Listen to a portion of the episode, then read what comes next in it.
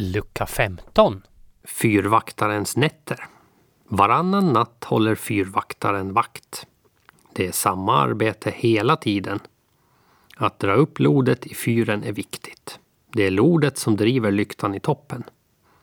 Lyktan har stora prismor så att ljuset blir riktigt starkt och kan ses lång väg. Var fjärde timme måste fyrvaktaren dra upp lodet.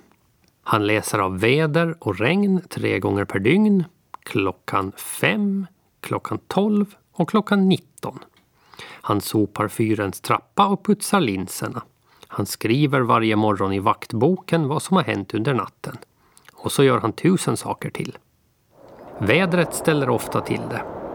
Om du inte varit på en ö en stormnatt kan det vara svårt att förstå hur det är. Pappa berättar. Jo, nej. Tänk att du har vakten en novembernatt och du har tänt fyren på eftermiddagen eftersom det börjar mörkna tidigt och mörka stormskyar jagar över himlen. Du får räkna med att dra fyren tre gånger under natten. På kvällen ökar vinden till full storm. Du ska gå 250 meter till fyren.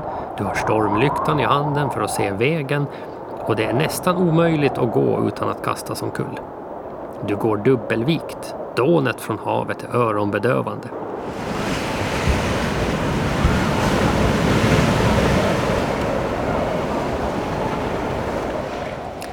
Fyren är ju hög och smal, men kan du tänka att vinden kan vara så stark att man måste gå i skydd för den? Att den smala fyren kan lea en aning? Då får man gå i zigzag för att hitta den smala randen av lite lugnare väder. Väl inne i fyrens långa spiraltrappa är det le, men stormens dån får ett kraftigt eko här inne. Stormen ylar. Redan när du är i den övre halvan av trappan börjar du känna skakningarna och svängningarna av vindstötarna.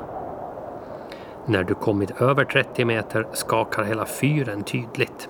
Lodet dras och lyktan och allt annat ses över. Sedan är det bara att gå ner igen. Det är inte så trevligt att sitta i det lilla vaktrummet där uppe. Det liknar mest ett trångt skåp. Där sitter man bara när det blivit alldeles för farligt att gå hem.